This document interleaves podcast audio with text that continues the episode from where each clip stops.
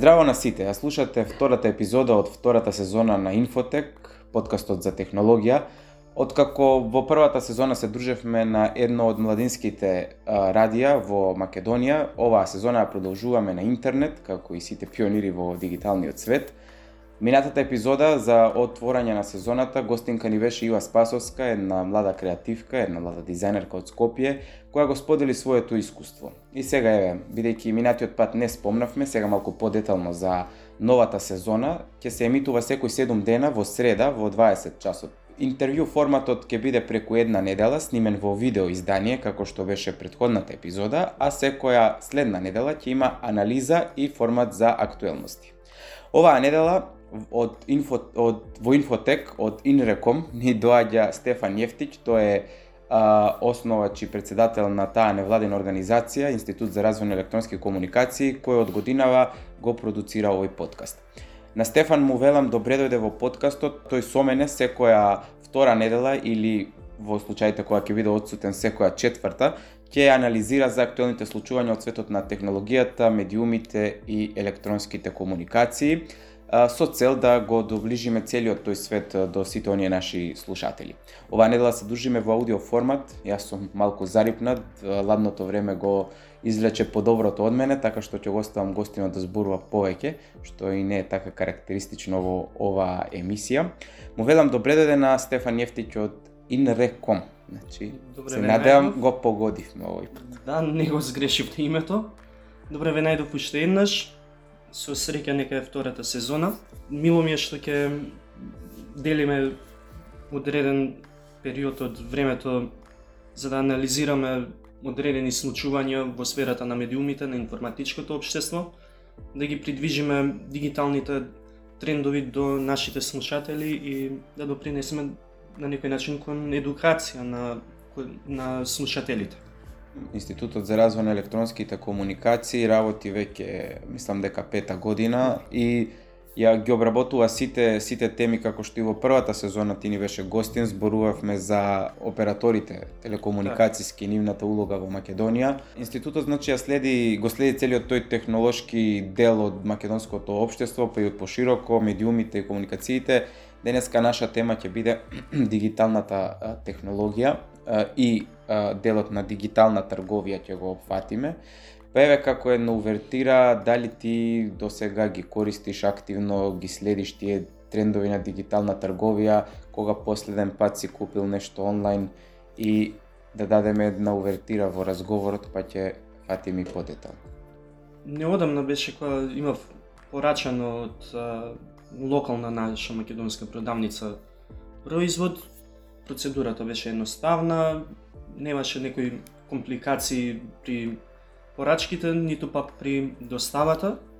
Да, трговијата што е преку интернет кај нас се развива, така што сметам дека има надеж да, да се движи во позитивна насока, барем во овој сегмент во нашето општество како да ви кажам, кај нас има малку скепса во однос на електронската трговија, но сметам дека со малку поголема едукација и разработка на одредени програми би требало да да биде уште подобро.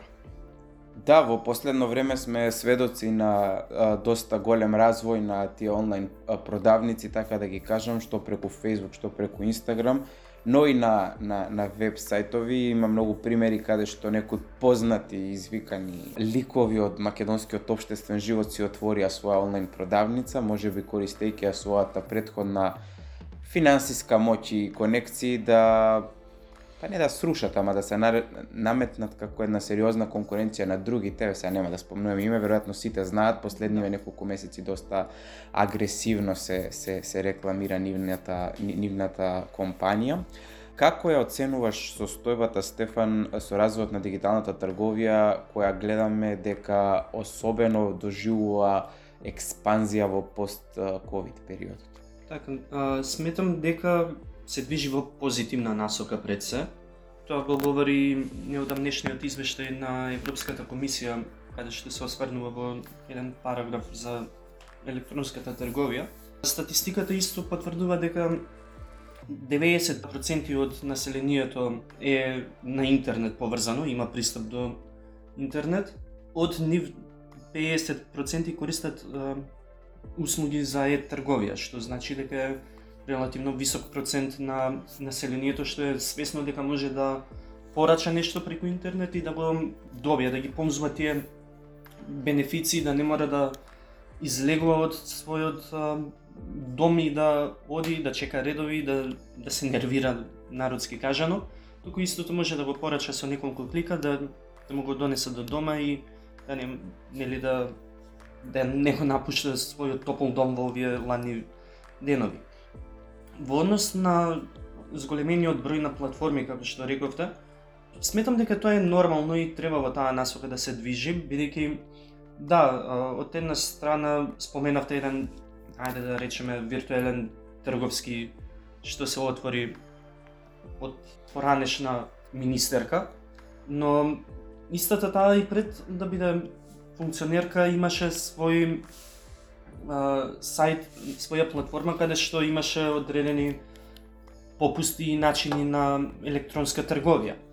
Факт е дека истата и а, председателка на Асоциацијата за електронска трговија во Македонија, така што не гледам да е нешто спорно.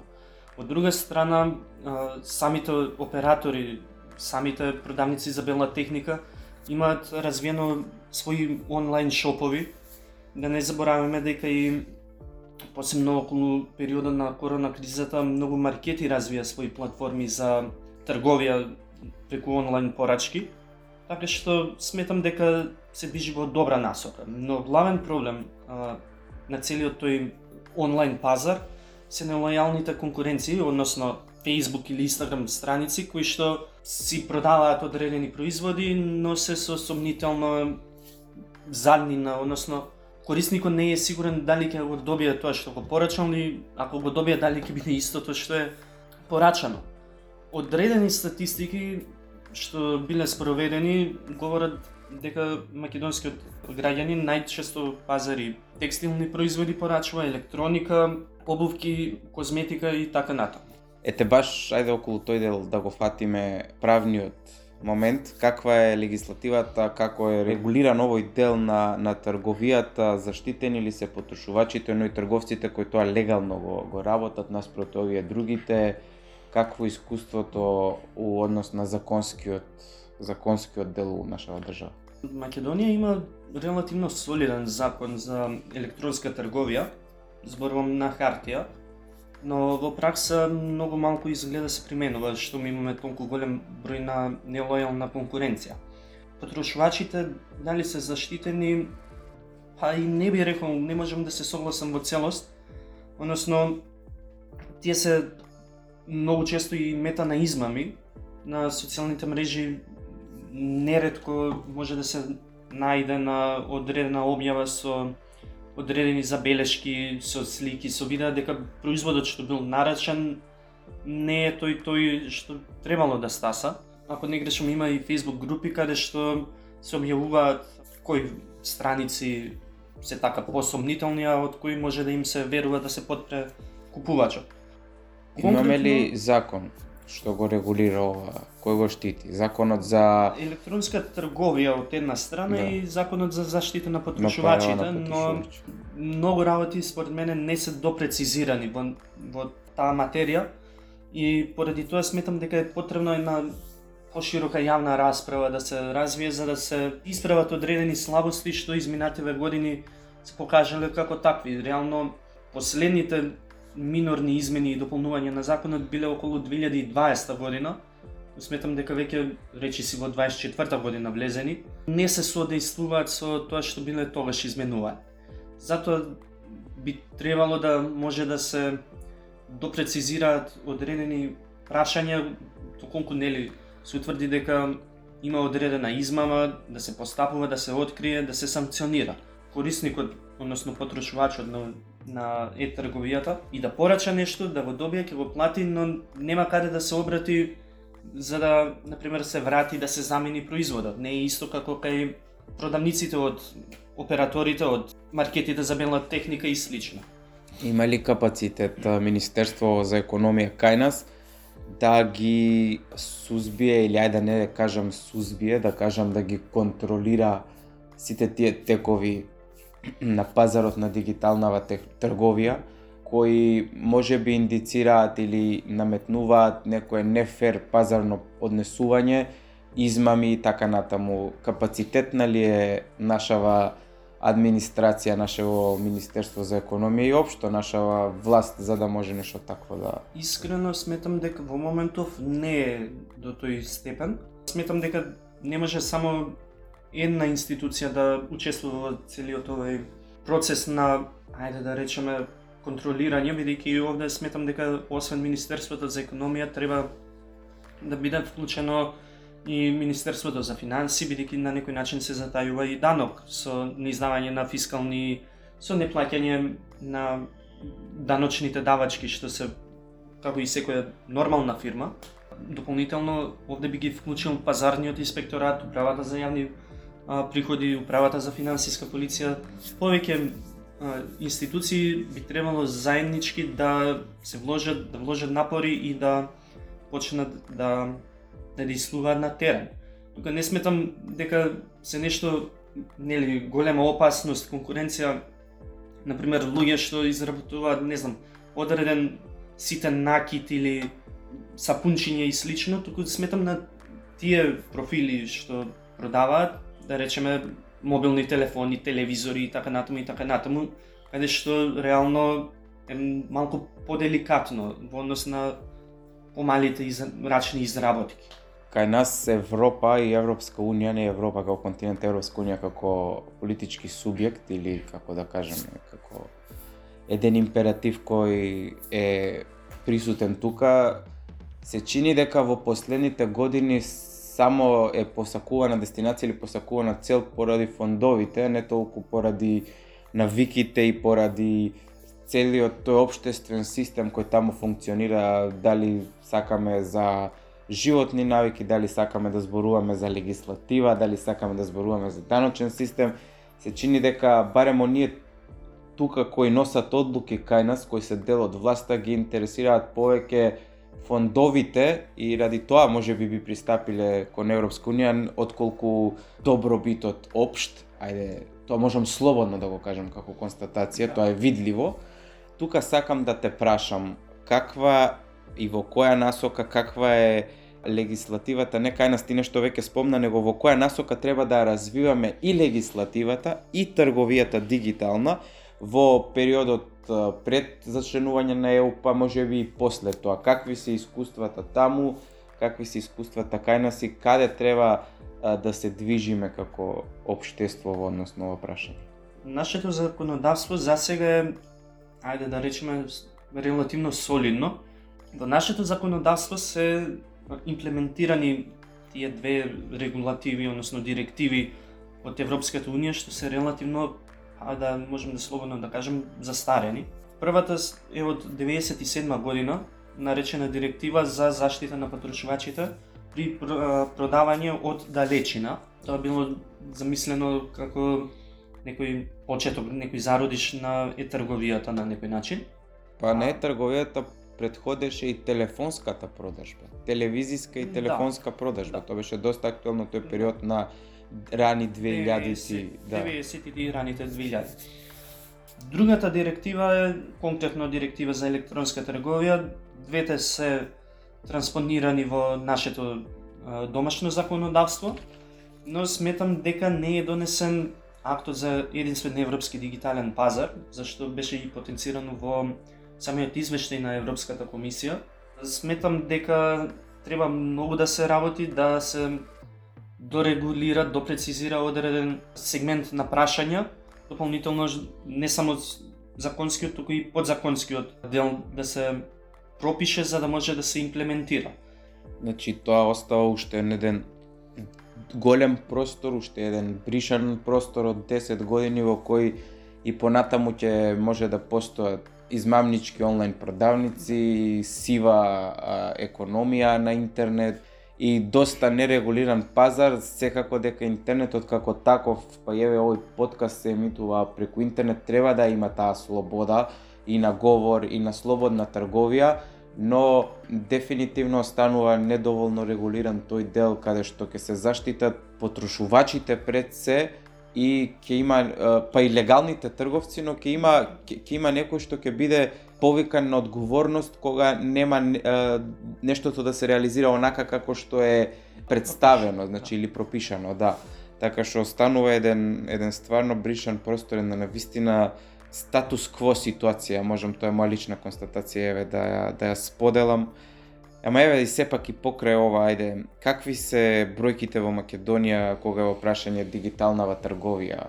Доста, кажавме и на почетокот, доста експанзија доживува по ковид периодот. Што вели статистиката и ваше истражување? Па, како што реков, Македонија не е за подценување на на картата за електронска трговија можеме да кажеме дека котираме релативно солидно во споредба со државите од регионот и Балканот. Да речеме, ако сме некаде на средината, но сме на повисокиот дел од средината, односно, нели, најголем пазар во Западен Балкан е Србија и логично е да биде на прво место со прилика над 68% од граѓаните што користат електронска трговија. Македонија, како што реков да подсетам, има од прилика 90% од граѓаните што имаат пристап до интернет и од нив 50% што користат електронска трговија, што значи дека се движиме релативно солидно и а, чекориме да се искачиме на некој скалено плюс. Според неодамнешни статистики од Народната банка, нешто над 550 милиони евра е направен оврт, што е навистина добра бројка за, за вака мал пазар со релативно нестабилна финансиска и економска криза. 22 година има раст од 25% споредбено со 21 година, што исто интересен факт што го најдов на истражувањето од Асоциацијата за електронска трговија е дека речиси 50% од нарачките што биле во Македонија биле од македонско потекло, односно од е, самата држава, не биле увезувани роба, да. Значи може би баш и како продолжение од минатата емисија што имавме со модната дизајнерка Спасовска, интернетот може би се уште во Македонија дава една солидна можност да се пласира својата креатива и својот своето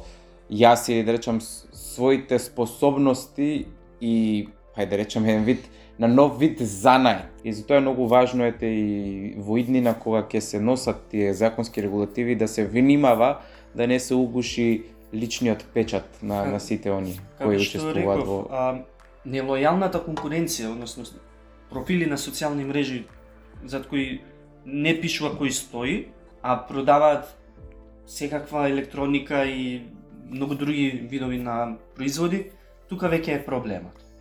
Така, така. Еве на крајот од емисијава ќе ќе заклучуваме по полека кои се оние работи, оние нешта кои треба да се имаат на ум при онлайн нарачка, како да се заштитите себе, да не бидете измамен, да речам, како да се заштити корисникот, на што да внимава, особено во делот на давање на кредитни картички и тие работи. Значи, што би им препорачал ти како од своето искуство во, во оваа област на што да внимаваат при онлайн трговија и нарачки? Најпрво да се провери а, интернет страницата дали е дали ви изгледа сумнителна или не. Ако е релевантна според вас, Значи проверите... нема купување iPhone за 1 евро. Ништо од во најмала тоа ни подразно. Ќе треба да се провери да се види дали има на некој начин импресум кој стои зад веб платформа таа страница.